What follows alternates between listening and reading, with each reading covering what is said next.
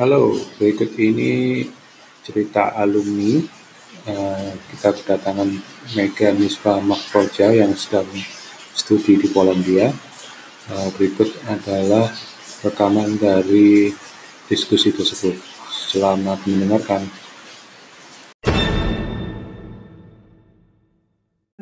Karena masih suasana lebaran, maaf lahir batin semuanya. Semoga semua dalam keadaan sehat, walafiat, walaupun kondisinya seperti sekarang ini ya.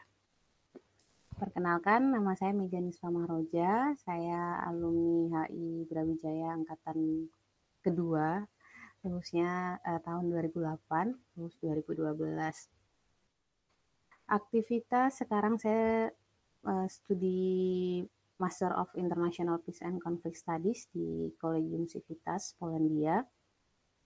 Sedikit sharing um, dulu waktu selesai kuliah aktivitasnya lanjut studi di UI sama Mas Wisnu, kemudian pulang ke daerah saya di Lombok, kemudian bantu-bantu di sana mengajar di Universitas Mataram, kemudian dapat kesempatan lagi untuk belajar lagi di Polandia tahun 2018. Uh, eh, sebelumnya saya ucapkan buat adik-adik, sekarang kalau ingat zaman dulu kita angkatan kedua itu uh, harusnya adik-adik sekarang merasa beruntung karena terakhir saya ke UB itu UB itu khususnya kampus kita di FISIP itu luar biasa sekali, sudah fasilitas sangat lengkap, kemudian eh, dosen-dosen, networking sudah luar biasa ya. Kalau zaman kita dulu kita masih kuliahnya di GKB. GKB masih ada nggak? Nah itu jadi eh, dengan segala keterbatasan tapi kita semangat untuk belajar. Jadi saya harapkan buat adik-adik juga lebih semangat untuk belajar dengan segala apa ya fasilitas yang sangat memadai sekarang di Brawijaya kayak gitu sih singkatnya. Nah eh, ceritanya di Polandia sendiri saya mau sedikit sharing dimulai dari penanganan COVID-19 di Poland. Sebenarnya isu COVID-19 itu kan kita udah dengar dari akhir tahun 2019 dan itu belum sampai Uni Eropa. Bulan-bulan Januari akhir kita masih di kampus, itu masih ada kuliah. Itu kita masih santai menyikapinya, masih cukup santai lah. Oh iya, ada ada isu di Cina dan kita nggak menyangka akan berdampak sangat signifikan salah satunya ke Uni Eropa secara keseluruhan di akhir Februari itu mulai ada satu kasus di Poland di di kota Woods sekitar satu setengah jam dari Warsaw tempat saya.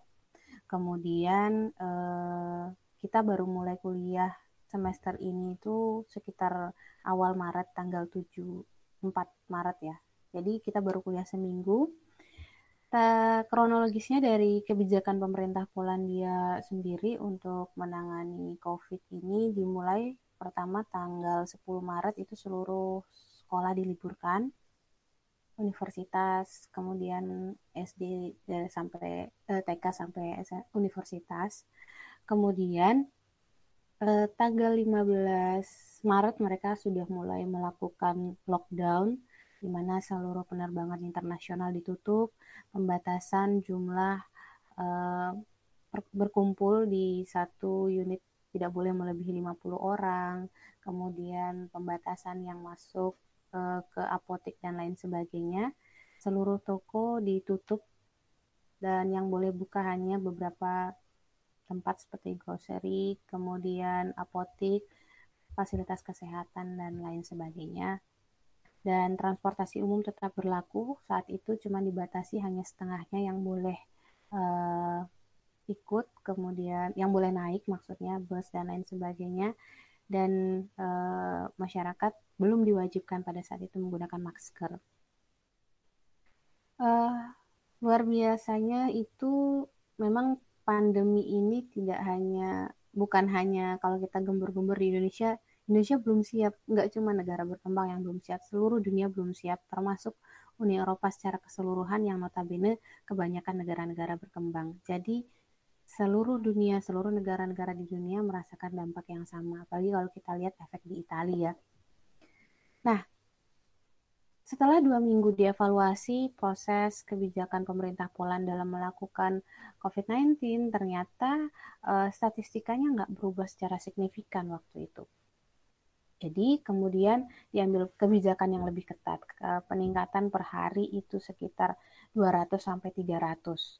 Dan ketika weekend justru peningkatan pernah mencapai angka 500. Jadi hmm, Kemudian pemerintah mengetatkan per tanggal 30 Maret itu mengetatkan bahwa ada pembatasan uh, jumlah peserta uh, jumlah orang yang masuk ke dalam satu toko. Sebelumnya nggak ada pembatasan sama sekali, tapi mulai dibatasi per 30 Maret. Kemudian penjagaan jarak lebih satu setengah meter. Uh, awalnya satu meter, kemudian berubah menjadi dua meter dalam kalau berinteraksi dan lain sebagainya, sanitasi, kemudian pembersihan seluruh area kota akhirnya Warsawa benar-benar waktu itu apa ya benar-benar istirahat lah selama akhir Maret itu. Kemudian eh, pemerintah masih melakukan evaluasi per dua minggu. Jadi perubahan-perubahan kebijakan itu dilakukan per dua minggu melihat tren pertumbuhan eh, perkembangan COVID. Rencana awalnya hanya akan berlaku sampai 14 April, tapi ternyata masih ada peningkatan yang signifikan dan katanya peak seasonnya belum sampai saat itu.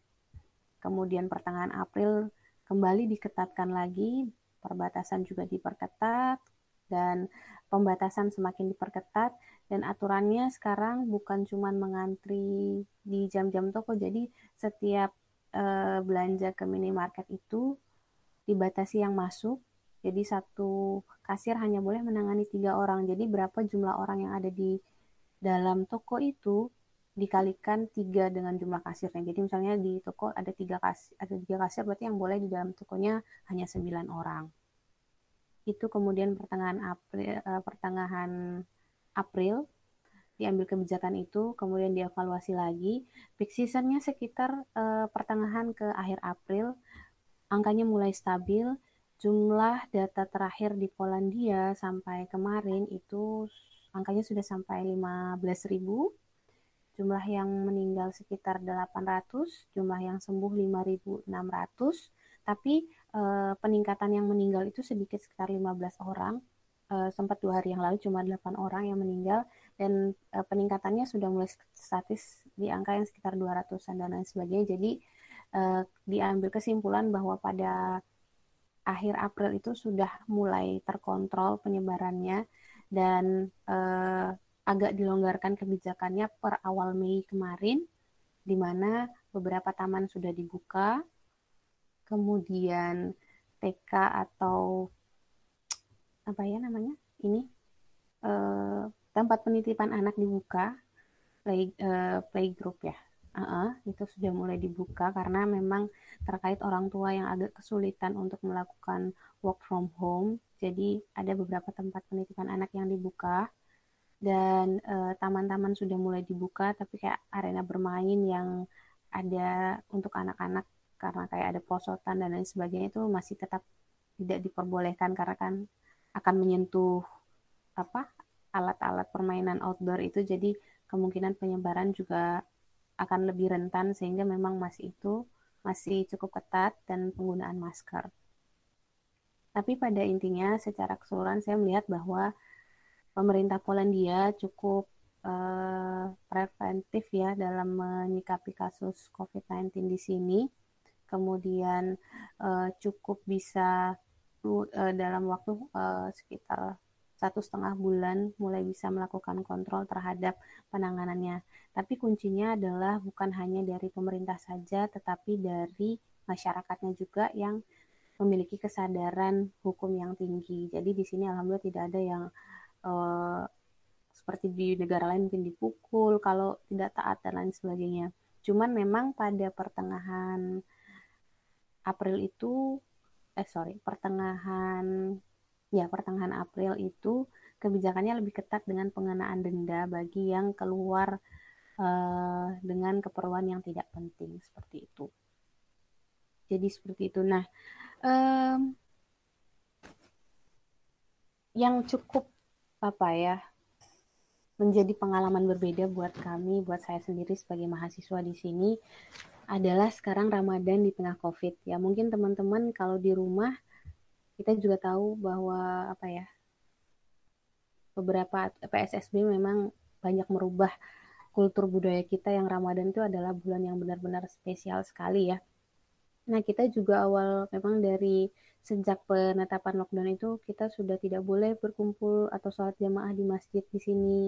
Kemudian kita juga eh, biasanya anak-anak itu ada kelas juga setiap minggu di masjid. Kita ada pengajian rutin itu sudah tidak boleh dilakukan secara daring dan tarawih juga sudah uh, tidak dilakukan. Kadang beberapa teman yang mungkin tinggal di asrama melakukan tarawih, jadi menyikapi dengan hal itu. Jadi suasananya semakin membuat kita rindu kampung halaman yang pengen pulang, jadi pengen banget apa ya tambah sedih mungkin ya kebawa suasana Ramadan, kemudian peristiwa ini, tapi dinikmatilah dengan uh, keadaan ini mungkin kita banyak sekali introspeksi diri.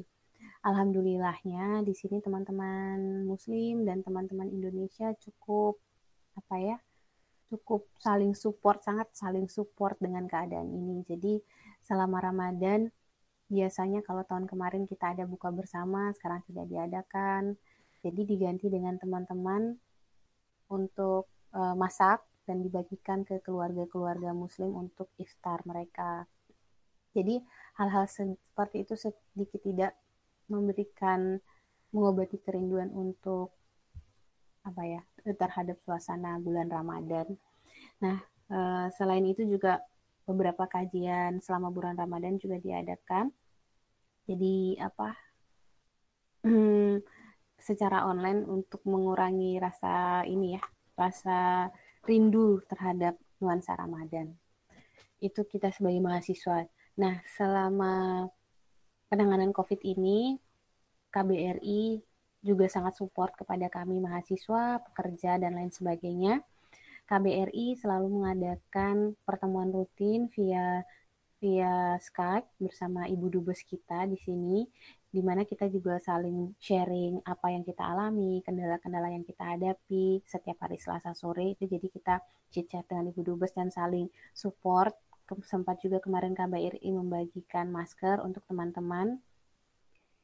Nah, eh, dalam situasi COVID ini juga kemarin memang beberapa ada orang Polandia, ada warga negara Indonesia yang ingin pulang. Itu difasilitasi oleh KBRI untuk pulang melalui eh, dibokingkan pesawat dari Polandia langsung ke Indonesia. Itu terdiri dari beberapa tenaga kerja Indonesia yang bekerja di Poland, ada juga mahasiswa, ada juga yang memiliki keluarga di Indonesia. Jadi ada fasilitas difasilitasi untuk itu. Kemarin dua kali, uh, yang pertama akhir Maret programnya, dan yang kedua pertengahan April. Memang di sini dari kami mahasiswa sendiri sebenarnya alhamdulillah tidak terlalu apa ya ada ada kendala yang dihadapi tentunya ya. Tapi eh, rata-rata ada yang beasiswa di sini banyak kan. Jadi untuk masalah finansial mungkin berpengaruh tapi tidak sangat-sangat berpengaruh sekali.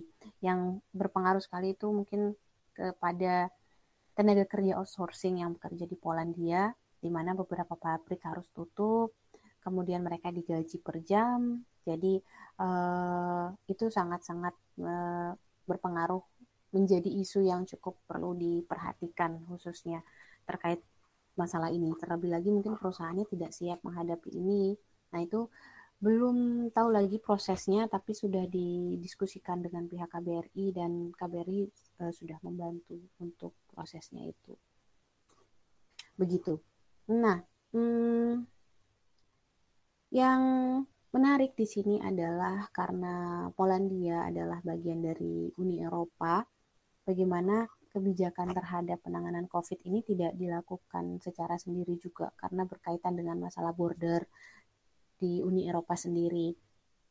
Beberapa kebijakan yang dilakukan Uni Eropa untuk menghadapi COVID ini di antaranya adalah penguatan internal, kemudian suntikan investasi kepada beberapa negara agar karena memang sebagian besar negara Eropa ini berada um, apa ya industrinya di sektor jasa jadi pendapatan untuk beberapa negara itu sebagian besar dari sektor jasa di mana sektor jasanya yang sangat lumpuh sekali sehingga ini menjadi perhatian yang cukup besar. Pemerintah Polandia sendiri menganggarkan dana yang cukup anggaran yang cukup besar untuk memberikan stimulus terhadap um, perusahaan-perusahaan karena kebanyakan di sini jasa perbankan, jasa keuangan. Jadi kalau teman-teman uh, mungkin Warsawa itu nggak terlalu famous untuk wisata dan lain sebagainya ya di di benak teman-teman, tapi Warsawa itu adalah salah satu pusat bisnis di Eropa Tengah khususnya. Jadi Warsawa nomor 6 terbesar dari sisi GDP di Uni Eropa per tahun kemarin dan dia menguasai banyak sektor karena hmm, dia sudah masuk ke very high developed countries di sisi ekonomi. Jadi untuk pusat bisnis di Eropa Tengah dan Timur itu banyak berpusat di Warsawa. Dan sebagian besar industrinya adalah industri jasa yang cukup terpukul. Jadi banyak uh, supply ke pemerintah. Dan pemerintah juga untuk beberapa karyawan yang mengalami masalah pekerjaan, kehilangan pekerjaan pasti hampir semua, khususnya beberapa franchise seperti Starbucks dan lain sebagainya, itu diberikan uh, bantuan dan khusus untuk pegawai tetap diberikan uh, santunan satu kali gaji.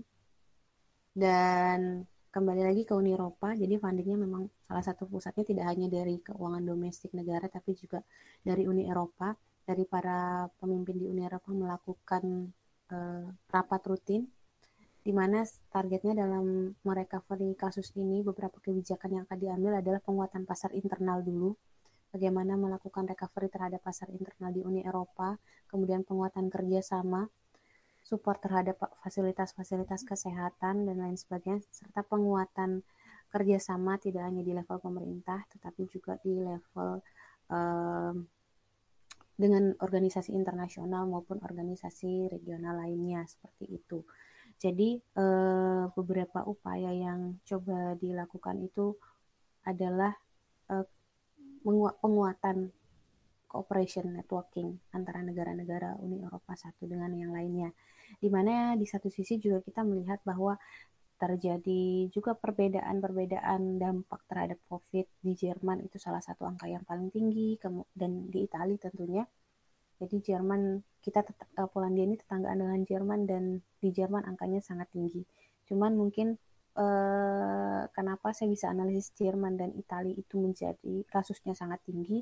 Yang pertama karena Jerman dan Italia itu adalah pintu masuk utama ke Uni Eropa salah salah dua dari pintu masuk utama Uni Eropa uh, untuk penerbangan sehingga memang dampaknya akan sangat cepat menyebar di sana dan uh, kalau misalnya kalau penerbangan dari luar Uni Eropa itu biasa transit di Jerman atau juga di Italia jadi itu yang menjadikan dua negara ini cukup banyak terdampak terhadap masalah COVID-19 selain itu juga uh, di Portugal juga cukup tinggi karena itu adalah pos-pos border Uni Eropa yang cukup mengalami apa ya dampak yang sangat signifikan.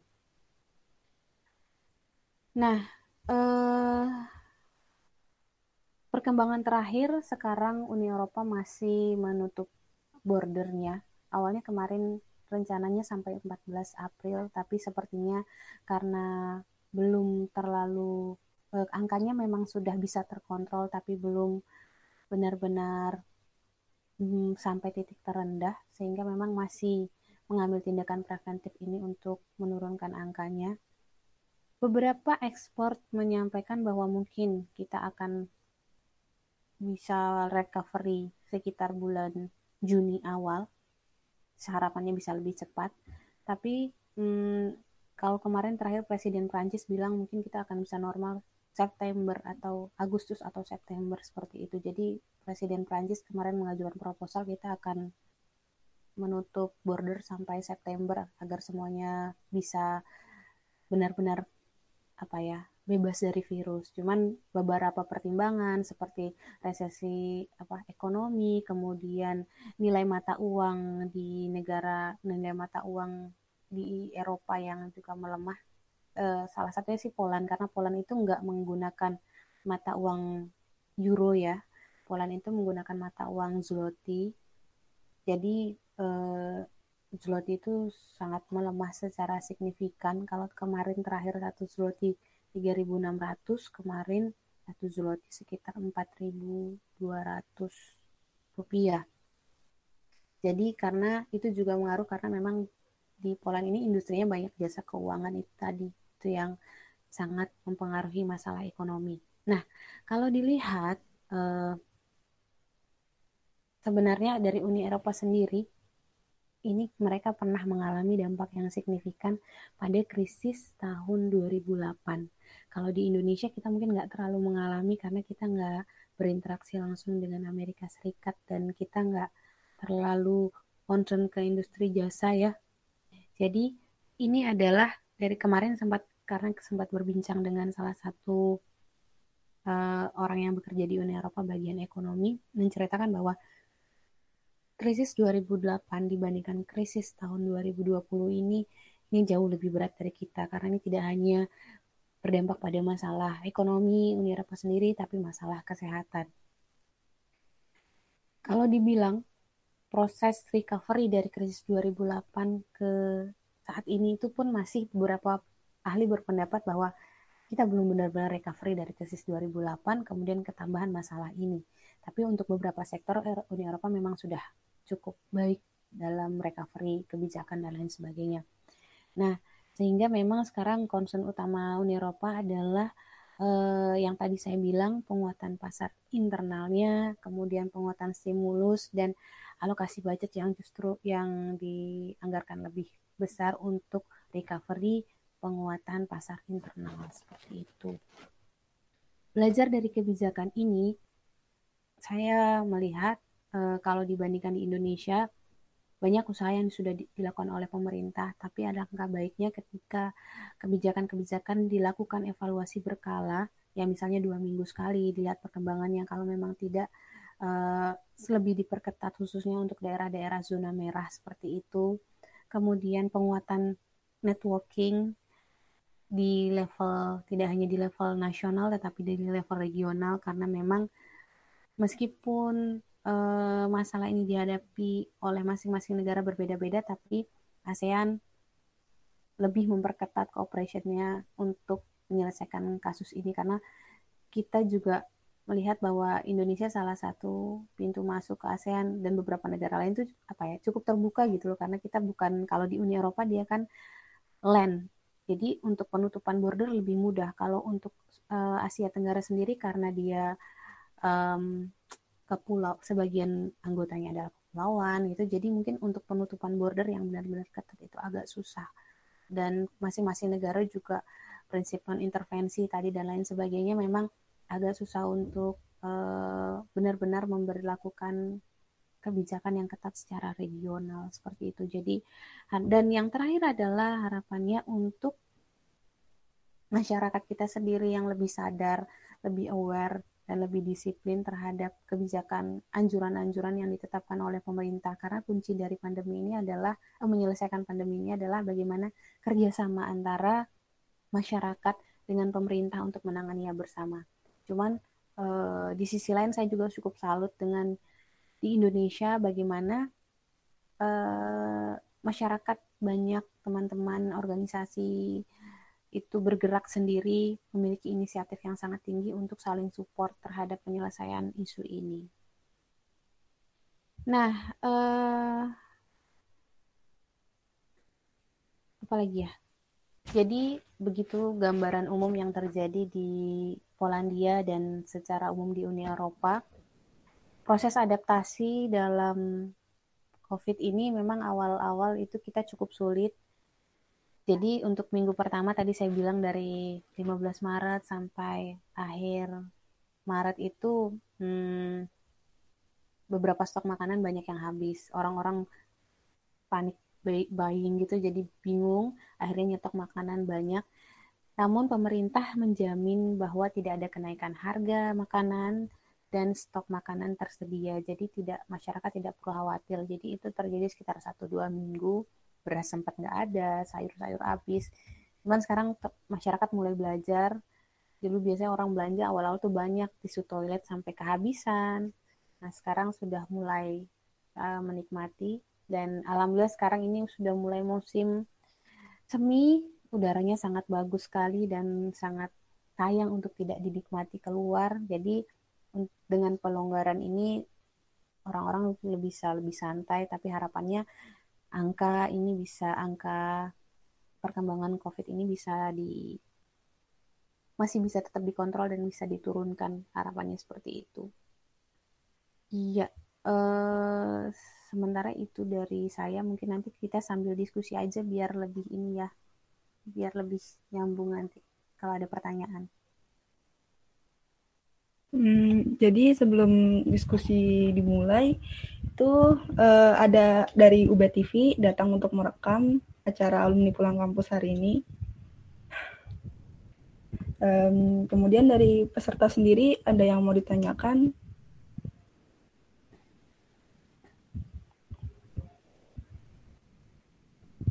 Hmm, nggak harus berhubungan sama COVID, mungkin yang mau tanya-tanya tentang Polandia juga boleh, nggak apa-apa tentang ini. Ada nggak?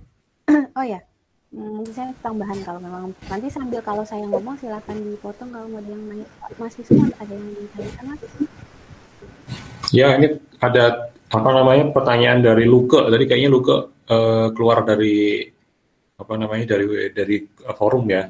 Oh iya. Pertanyaan uh, Bu Ega ada uh, Mbak Ega gitu ya. Ada pertanyaan kalau Uh, ini pertama tentang COVID dulu nih. Jadi kalau mengamati dari tindakannya pemerintah Polandia, kira kira-kira apa yang bisa diadaptasi atau ditiru di Indonesia? Mungkin ada penanganan yang uh, berbeda atau khas dari Polandia sehingga jadi contoh untuk Indonesia. Terus yang kedua uh, ada pertanyaan uh, kalau buat teman-teman HIUB misalnya pengen dapat beasiswa ke Polandia itu gimana tuh caranya gitu. Nah, okay. itu dulu Mega. Oke, iya tadi kayaknya udah saya kasih gambar untuk apa yang bisa kita pelajari di Poland itu yang pertama sebenarnya kalau dibilang Poland ini sama-sama nggak siap kayak Indonesia, sama-sama nggak siap di awal-awal dari fasilitas kesehatan dan lain sebagainya juga nggak siap, orang shock, dokter-dokter shock dengan tiba-tiba jumlah pasien yang sangat banyak gitu ya. Tapi eh, kebijakannya menurut saya adalah pen, sangat penting sekali untuk melakukan pengambilan evaluasi kebijakan secara berkala untuk melihat perkembangannya. Jangan ditunggu sampai dan itu evaluasinya itu dilakukan per termin sekitar dua minggu setiap dua minggu dikontrol ketika memang kebijakannya dirasa uh, justru kebijakan yang sebelumnya dilakukan tidak mampu menekan jumlah COVID, pengetatannya kemudian dilakukan pengetatan pengetatan pengetatan lagi seperti itu khusus untuk di daerah-daerah zona merah. Karena saya mungkin tahu uh, keputusan pemerintah kita tidak melakukan lockdown. Tetapi sebaiknya untuk beberapa zona merah itu pengetatan lebih dilakukan seperti itu. Jadi kontrol evaluasi kebijakan setiap dua minggu sekali. Dan yang kedua um, ya ini sih tantangannya untuk masyarakat kita karena masyarakat kita jujur masih tingkat literasi sadar hukumnya masih rendah di mana memang ya banyak yang meremehkan apalagi kalau di kampung-kampung ah apa sih ini? dan lain sebagainya jadi enggak. Nah hmm, mengedukasi dan memberi men, memberikan pemahaman bahwa kita menghadapi masalah besar loh itu sebenarnya yang perlu dihadapi. Pemerintah Polandia memberikan kebijakan yang ketat, sangat ketat kepada uh, masyarakatnya untuk menunjukkan bahwa ini masalah serius. Jadi dengan pengambilan kebijakan yang ketat, masyarakat benar-benar sadar bahwa oh ini masalah serius. Nah itu mungkin beberapa uh, kalau memang tidak bisa dilakukan lockdown, beberapa kebijakan yang sangat tegas perlu dilakukan entah dengan cara Indonesia sendiri. Kalau di Poland mungkin tidak terlalu butuh banyak energi, tapi karena masyarakatnya sadar hukum di Indonesia, bagaimana caranya mengambil kebijakan dengan cara Indonesia sendiri agar masyarakat sadar ini masalah serius. Dengan kesadaran itu yang kita bisa saling support sama-sama. Yang kedua, untuk beasiswa ke Polandia. Jadi ada banyak skema beasiswa ke Polandia. Yang pertama, beasiswa dari pemerintah Polandia namanya Ignasi itu biasa dibuka sekitar bulan Maret, April. Jadi teman-teman bisa cek website PPI Polandia. Kita ada update uh, info beasiswa setiap bulan, deadline beasiswa apa. Itu Ignasi sekitar bulan Maret dan uh, persyaratannya itu maksimal lulus 2 tahun setelah S1. Di sana nanti teman-teman akan belajar kuliah bahasa selama satu tahun, kemudian baru melanjutkan studi di sekolah-sekolah universitas-universitas negeri di Polandia. Itu dan e, sekarang jumlahnya cukup tinggi ya, sekitar 26 orang untuk setiap tahun di Poland. Nah, yang kedua, karena saya dari NTB, saya dapat beasiswa dari pemerintah NTB. Itu salah satu kerjasama e, pemerintah NTB dengan e, Polandia, pemerintah Polandia untuk mengirimkan mahasiswanya setiap tahun dengan beberapa universitas kerjasama di Polandia. Jadi mungkin kalau ada teman-teman HIUB yang berasal dari NTB bisa mengikuti skema beasiswa ini. Yang ketiga, untuk adik-adik yang mungkin masih semester 5 atau semester 4 ya, itu 4, 6, kalau nggak salah ya, di atas semester 4 itu bisa mengikuti beasiswa Erasmus ke Polandia. Jadi eras ada skema Erasmus Mundus Scholarship untuk exchange satu semester ke Polandia yang bisa diaplikasi di-apply sama teman-teman dari NTB. Dan berikutnya ada juga beasiswa dari UN tapi khusus untuk e, mengambil master di bidang hukum internasional dengan beberapa kampus kerja sama Poland. Dan selebihnya ada beberapa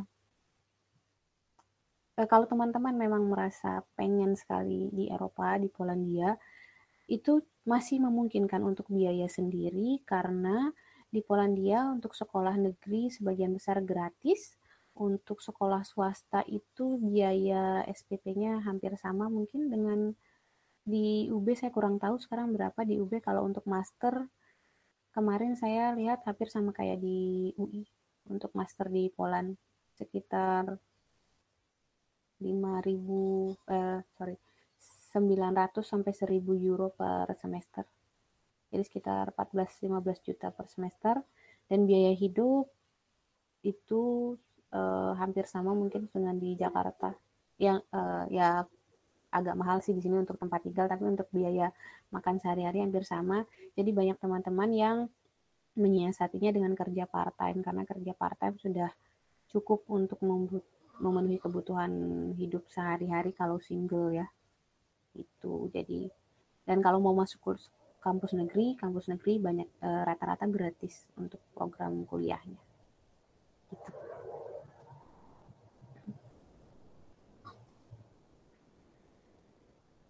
Uh, oh ya lanjut lagi mungkin karena saya juga lumayan concern terhadap isu migrasi. Jadi saya banyak uh, menulis isu migrasi kaitannya dengan COVID ini juga cukup signifikan karena hmm, salah satu concern lain dari pemerintah Eropa, kita tahu pasca 2015 banyak sekali migran dari Timur Tengah yang mengungsi ke Eropa. Ini juga berdampak sama dengan ke, terhadap kebijakan pemerintah Eropa penanganan refugi selama COVID. Memang ini uh, sangat challenging buat semua pemerintah juga bagaimana kemarin sempat beberapa bantuan kemanusiaan terhadap refugi atau bantuan kemanusiaan terhadap konflik di Afrika sempat mengalami kendala karena terkait COVID dan ya ini sangat menyedihkan sih. Jadi eh, pemerintah Uni Eropa secara umum itu sedang berusaha untuk bagaimana memformulasikan kebijakan yang tepat ketika nanti kita akan menghadapi masalah seperti ini lagi karena bukannya tidak mungkin akan ada peristiwa seperti ini lagi at least kita bisa lebih siap menghadapi krisis seperti ini gitu. Mungkin ada pertanyaan lagi.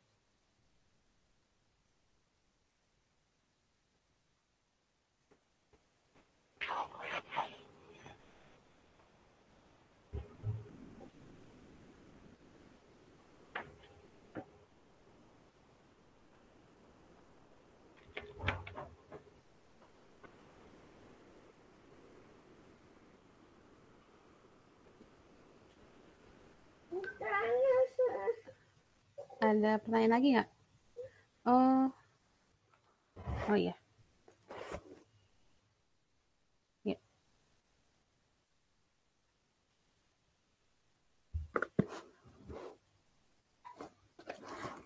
Nah, uh, saya mau sedikit cerita mungkin untuk di Polandia ya.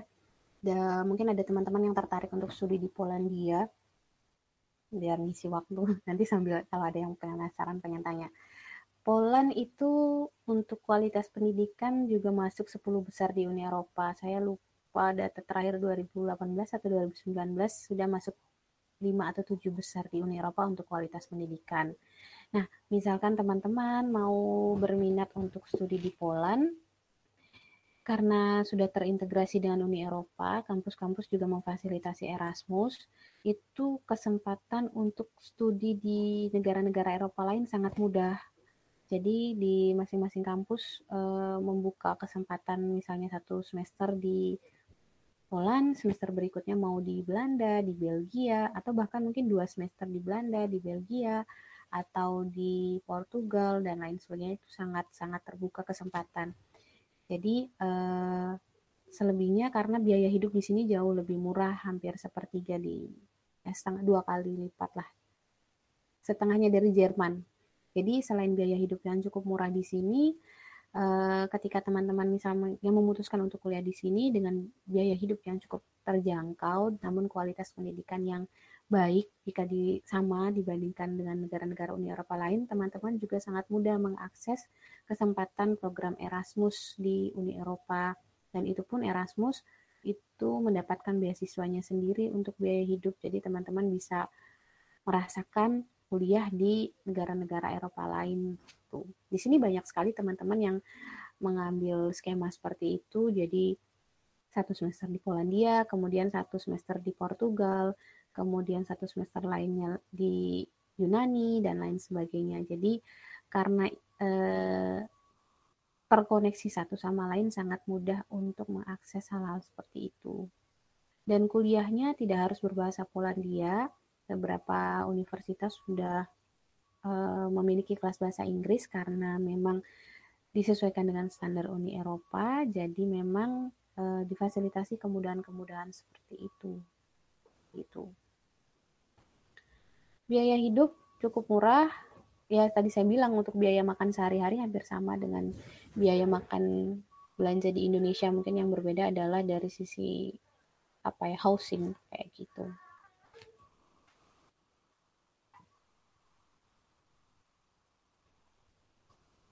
Untuk adik-adik yang ada di UB yang ini rata-rata semester berapa ya, Dek?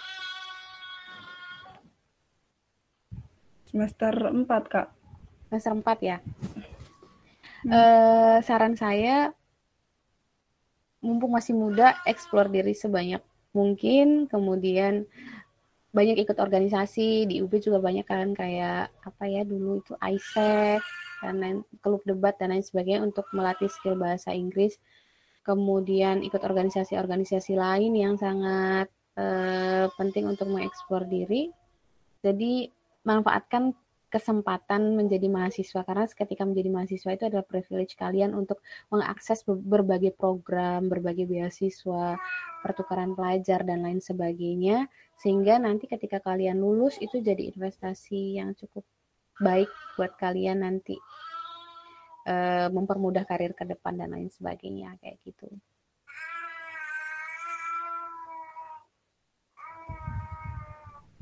Hmm, aku ada pertanyaan, Kak dari aku sendiri um, kakak um, udah dari apa udah dari kapan di Polandia? Terus kakak pas di Polandia awal-awal kayak gimana kak rasanya kak?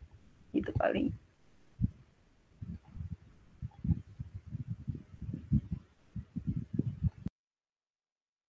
Oke, saya di Poland itu tahun 2018 Oktober.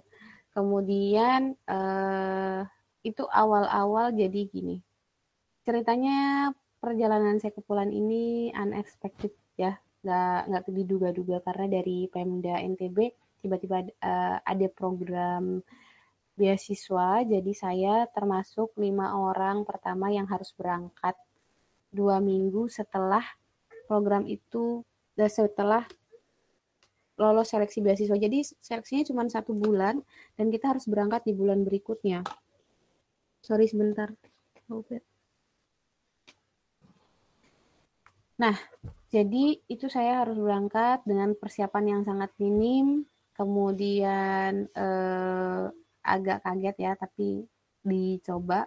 Awal-awal yang paling ini memang karena Poland nggak menggunakan bahasa Inggris, mereka pakai bahasa Polandia, yang itu salah satu bahasa yang paling susah di dunia katanya. Uh, untungnya masih menggunakan teks alfabet, bukan seperti huruf Rusia. Cuman bahasa Poland ini agak mirip dengan bahasa Rusia. Ada beberapa juga yang mirip dengan bahasa Jerman karena dia pertengahan. Nah, uh, ya awal-awalnya agak shock Eh, orang-orang untuk Warsaw sendiri di sentrumnya masih banyak yang menggunakan bahasa Inggris, tapi kalau mungkin di agak-agak untuk sama orang tua gitu nggak terlalu banyak yang berbahasa Inggris. Itu itu cukup challenging. Terus um, Poland ini adalah salah satu negara yang cukup homogen, mayoritas masyarakatnya adalah Kristen Katolik dan mereka adalah mayoritas yang sangat taat. Namun eh, dari sisi masyarakat mereka pada dasarnya kelihatannya dingin ya. Awalnya agak takut karena mungkin sebagai Muslim shock culture atau sebagainya. Cuman di Poland alhamdulillah sudah ada tiga masjid di Warsaw sendiri, sorry, di Warsaw ada tiga masjid yang cukup besar yang itu uh, di beberapa lokasi yang memudahkan kita untuk menunaikan ibadah. Kemudian ada komunitas muslim yang cukup solid di sini, ada pertemuan rutin, kajian dan lain sebagainya setiap bulan yang cukup membuat kita apa ya? tidak terlalu shock culture lah khususnya sebagai muslim. Tapi di kampus saya mungkin saya dan dua orang teman lain itu yang pertama kali pakai hijab di Poland. Jadi mungkin awal-awal orang melihat agak aneh. Tapi setelah saya banyak teman-teman dari Indonesia yang ber, uh, yang kuliah di tempat saya. Di kampus lain ada. Jadi kalau untuk di Poland sendiri itu kalau memang banyak kan komunitas muslimnya itu berasal dari Turki. Karena memang dari sejarah masa Ottoman dulu memang kan Turki sampai ke Austria dan di Polandia itu ada salah satu dulu namanya Kerajaan Milanov yang membantu Kerajaan Austria untuk berperang melawan Turki. Jadi eh, pengaruh sejarah itu banyak mempengaruhi juga eh, kedatangan imigran Muslim di Poland. Tapi i, untuk masyarakat Muslim di Poland itu banyak eh, di daerah perbatasan Tatar itu Tatar perbatasan dengan agak ke Mongol sedikit agak sorry agak agak ke utara sedikit dekat-dekat Rusia Mongol itu suku Tatar. Di sana ada ada salah satu masjid namanya Masjid Tatar. Masjid tertua di Polandia umurnya sekitar 700 tahun yang lalu. Nah di situ. Jadi sebenarnya hmm, walaupun sekarang orang mungkin kesannya Polandia itu uh, tidak terlalu terbuka dan lain sebagainya. Pasca 1990 itu mereka sudah mulai terbuka, terlebih lagi ketika mereka sudah masuk Uni Eropa. Mereka sudah sudah banyak kita lihat uh, dua tiga tahun terakhir ini sudah banyak sekali kita lihat uh, imigran yang masuk multikultural sudah lebih banyak imigran yang masuk dan Poland salah satu negara yang menerima imigran pengajuan imigran yang paling besar masuk ke Polandia. Tidak hanya dari refugi ya, tidak hanya dari refugi Suriah dan uh, Timur Tengah lain, Afrika dan lain-lain, tapi banyak juga orang-orang dari India, kemudian dari Amerika Tengah seperti Ukraina, Belarus, Rusia bahkan yang uh, hijrah ke Poland untuk mengadu nasib. Yang tadi saya bilang, Poland jadi salah satu uh, pusat bisnis internasional di Eropa Tengah dan Timur, jadi banyak peluang-peluang kerja. Jadi banyak beberapa teman-teman mungkin yang dari India, dari Turki juga banyak, itu dari Azerbaijan ke sini mendaftar kuliah, kemudian uh, sambil mencari peruntungan untuk mengembangkan karir kayak gitu. Kalau teman-teman lulusan kampus Poland, teman-teman bisa melakukan extend untuk kesempatan mendapatkan pekerjaan di perusahaan-perusahaan di Polandia. Jadi mungkin itu salah satu alasannya juga banyak uh, sekali teman-teman pelajar internasional yang sekarang ke Polandia kayak gitu.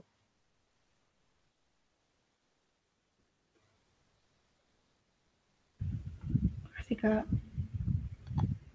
Sama-sama. Ada pertanyaan lagi?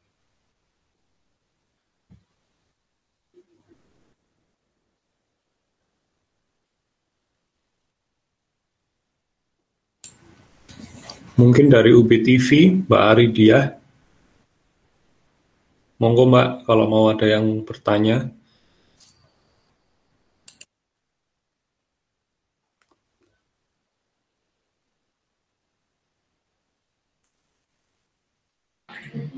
Halo, Assalamualaikum.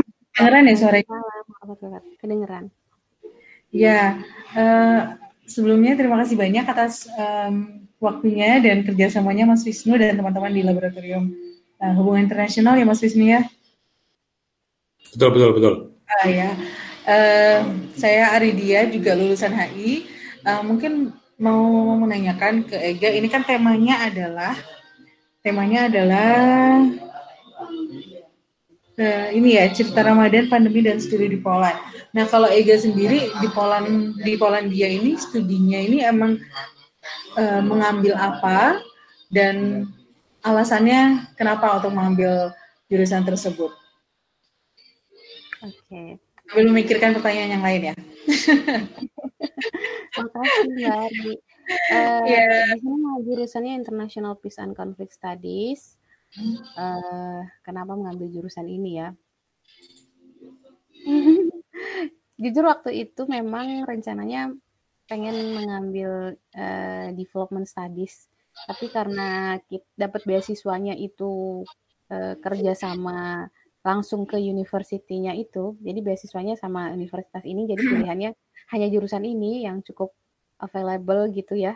Da, tapi setelah dilihat-lihat karena dulu saya waktu di S1 ngambil indef jadi pengennya memang concern ke indef. Cuman setelah dipelajari lebih jauh International Peace and Conflict Studies yang saya pelajari sekarang memang banyak berkenaan dengan masalah-masalah human security dan di sini saya banyak belajar tentang uh, dari ekspor sama praktika sama praktisi langsung di Uni Eropa dan di UN tentang program-program kemanusiaan tidak hanya di Uni Eropa tapi banyak di Asia Tengah, di Afrika dan lain sebagainya. Jadi dan selain itu juga banyak belajar tentang hmm, tidak hanya secara global, banyak saya belajar salah satu mata kuliah yang cukup favorit di International Peace and Conflict Studies ini adalah masalah psychology of peace, di mana pada intinya adalah bagaimana masalah-masalah psikologis yang dialami oleh orang korban pada umumnya itu bisa menjadi masalah yang sangat berat sehingga uh, masalah tapi agak sering dikesampingkan dari sisi kebijakan karena itu mungkin terlihat sebagai satu masalah yang agak personal. Padahal masalah uh, psikologis dari violence atau violence ini cukup penting untuk di apa ya ditangani lebih detail khususnya untuk kebijakan-kebijakan penanganan trauma healing dan lain sebagainya di tengah masalah konflik. Jadi walaupun judulnya International Peace and Conflict Studies, saya juga belajar tentang economic and security, saya juga belajar tentang human security, saya juga belajar tentang uh, project-project uh, UN dan Uni Eropa terkait uh, humanitarian aid, kemudian program-program pendidikan di Afrika dan lain sebagainya yang alhamdulillah langsung didapat dari uh, praktisinya. Jadi, um, berarti ini ya tersalurkan juga ya untuk yang international development di apa namanya yeah. satunya ya. Nah mungkin yeah. buat itu bisa jadi ini agak ya, bisa jadi apa ya pandangan buat di ya, gambaran untuk di berikutnya gitu. Uh, mau nanya juga untuk uh, saat saat sekarang ini, ini kan uh, di sana juga lagi Ramadan juga. Kemudian uh, pandeminya ini seperti apa? Karena uh, kalau misalnya di Korea kalau nggak salah itu ada standar hidup baru. Jadi standar kehidupan baru setelah pandemi ini. Nah kalau misalnya di Polandia ini apakah sudah sudah menurun grafiknya atau masih di atas dan gimana juga uh, standar hidup baru di sana setelah pandemi ini sudah ada atau belum sih kak? Di Poland dia angkanya sudah terkontrol sudah statis jadi peningkatannya nggak signifikan. Bisa dibilang dulu 200 500 sekarang sudah di angka 200 300 ya per hari. Tapi tingkat kesembuhan semakin tinggi sekitar 5000 lebih per kemarin. Dan angka yang meninggal semakin rendah sekitar 8 sampai 15 per hari. Jadi bisa dibilang angkanya sudah mulai terkontrol, makanya per tanggal 4 Mei kemarin pemerintah mulai melonggarkan kebijakannya kayak membuka beberapa taman, kemudian um, beberapa sekolah uh, PAUD kayak PAUD ya dan tempat penitipan anak yang dibuka, tapi katanya untuk kebijakan itu masih akan dievaluasi lagi dilihat perkembangan COVID-nya.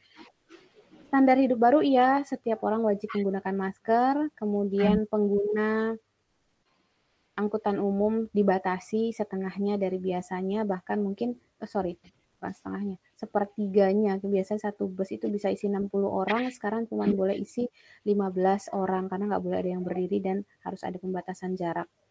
Kemudian, uh, untungnya sekarang lagi musim semi, udara sangat indah, jadi banyak orang memilih untuk berjalan kaki dibandingkan menggunakan alat transportasi, banyak juga yang mulai bersepeda dan lain sebagainya.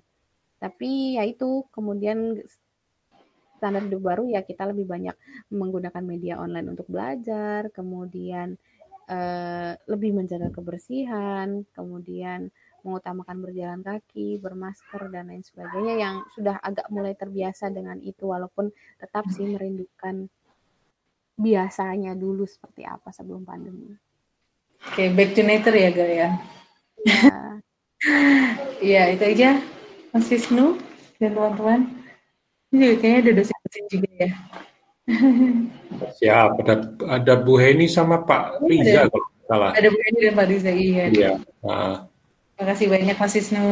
Iya, terima kasih. Sampai besok ya, masih ada lagi ya? Eh, masih ada lagi, ikut dong, ya. ikut juga.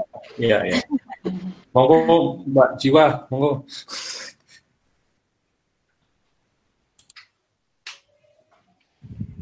Jadi ini di gimana? Jadi mungkin eh, saya ngerangkum buat yang tadi dulu.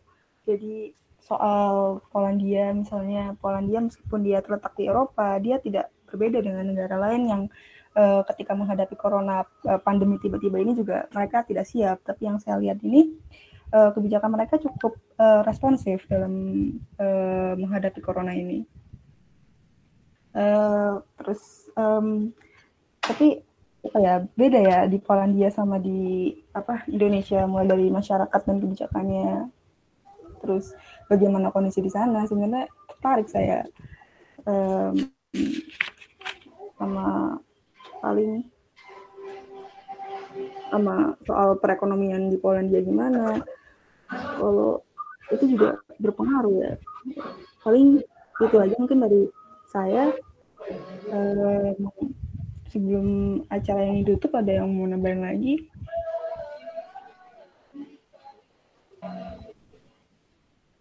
uh, oke okay. ya.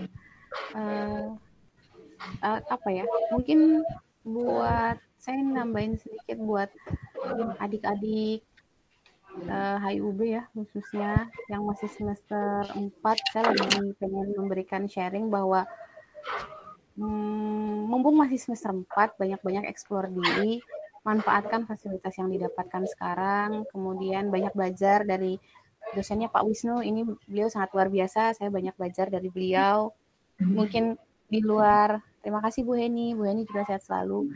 Uh, jadi uh, ketika kita menjadi mahasiswa, saran saya adalah masih muda, eksplor diri tidak hanya untuk di kuliah saja, tapi juga di organisasi dan mungkin hobi-hobi lain. Jadi setiap orang itu bisa punya hobi macam-macam kalau Mas Wisnu mungkin menulis dan film kemudian ada teman-teman yang hobi musik dan lain sebagainya ekspor diri sebanyak-banyaknya itu akan menjadi investasi yang sangat besar ketika teman-teman dari UB.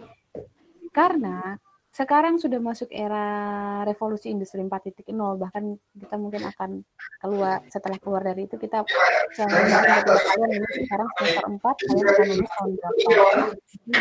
2022 dan harapannya 2022 itu kondisi ekonomi katanya akan benar-benar recovery itu 2022 harapannya lebih cepat ya. Jadi challenge untuk mahasiswa sekarang ini jauh lebih besar dibandingkan zaman saya dulu ya. Zaman saya dulu juga agak susah-susah cari kerja di Indonesia itu susah. Intinya adalah soft skill. Kita nggak akan banyak sekarang perusahaan-perusahaan yang tidak terlalu melihat latar belakang jurusan, tapi banyak yang juga justru melihat uh, soft skill seperti apa. Nah di Eropa sendiri concern terhadap pendidikan itu mulai beralih karena melihat akan banyak degradasi terhadap jenis-jenis pekerjaan nanti, mulai beralih pada hmm, ke, ke kemampuan problem solving.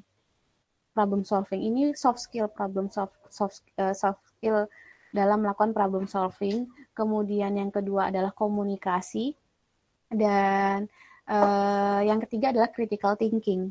Jadi untuk adik-adik yang mahasiswa, mumpung masih menjadi mahasiswa, mumpung masih usia early 20, 19-20 ya, saya sarankan uh, explore diri sebanyak-banyaknya. Problem solving ini penting ketika kalian berada di perusahaan, menyelesaikan masalah, dan itu akan terlihat proses pengembangan dirinya itu dari zaman kuliah dan ketika kerja yang pertama kali dilihat sebenarnya bagaimana personal uh, soft skill kalian. Jadi ke, udah kelihatan banget. Jadi hmm, penting sekali untuk mulai mempelajari soft skill soft skill seperti ini yang tidak bisa kita latih hanya dalam sehari, yang yang kita bisa latih melalui aktif dalam berbagai kegiatan. Bisa belajar sama Mas Wisnu da, dalam hal tulis menulis, bisa belajar mungkin dari Mbak Ari di UBTV tentang bagaimana komunikasi, bisa belajar dari dosen-dosen lain tentang critical thinking. Jadi saran saya semangat buat belajar karena challenge ketika kalian sudah lulus itu akan semakin besar, kemudian pasar bebas, akan banyak sekali orang-orang yang juga masuk ke Indonesia untuk bersaing bekerja bersama kalian. Sedikit sharing untuk mahasiswa, uh, kelemahan kita sebagai mahasiswa Indonesia ketika berada di luar negeri yang sering dihadapi, yang dulu juga saya hadapi, kita ngira kita ini nggak sehebat orang-orang bule, nggak sehebat orang-orang luar negeri. Wah, mereka pinter ya, mereka uh, hebat ya. Ternyata enggak. Ternyata dari sisi diskusi sama aja. Ada yang ya yang males juga ada, yang rajin juga ada. Dari sisi berpikir kritis, ternyata bukannya mau gimana ya dari teman-teman Indonesia yang ada di tempat saya, mereka justru uh, kelas itu banyak digerakkan oleh teman-teman Indonesia suasana diskusinya teman-teman Indonesia yang di sini sangat kritis dan masuk sebagai mahasiswa-mahasiswa yang cukup berprestasi di kelas. Jadi jangan minder ketika kita misalnya teman-teman berniat untuk sekolah ke luar negeri karena sebenarnya sama aja dan justru eh, apa ya banyak teman-teman Indonesia itu yang berprestasi hanya kendalanya itu masalah kurang percaya diri itu sih. Terima kasih Kak Ega. Um, mungkin untuk acara alumni pulang kampus Dewan ini sudah berakhir. Terima kasih Pak Ega, uh, Pak Wisnu, dan teman-teman sekalian yang sudah hadir dan dosen-dosen. Uh, sekian acara dari hari ini. Assalamualaikum warahmatullahi wabarakatuh. Waalaikumsalam warahmatullahi wabarakatuh. Terima kasih. Uh, oh ya, jangan lupa buat uh, acara day, day itu uh, besok jam 1. Ya. Terima kasih. Kasih.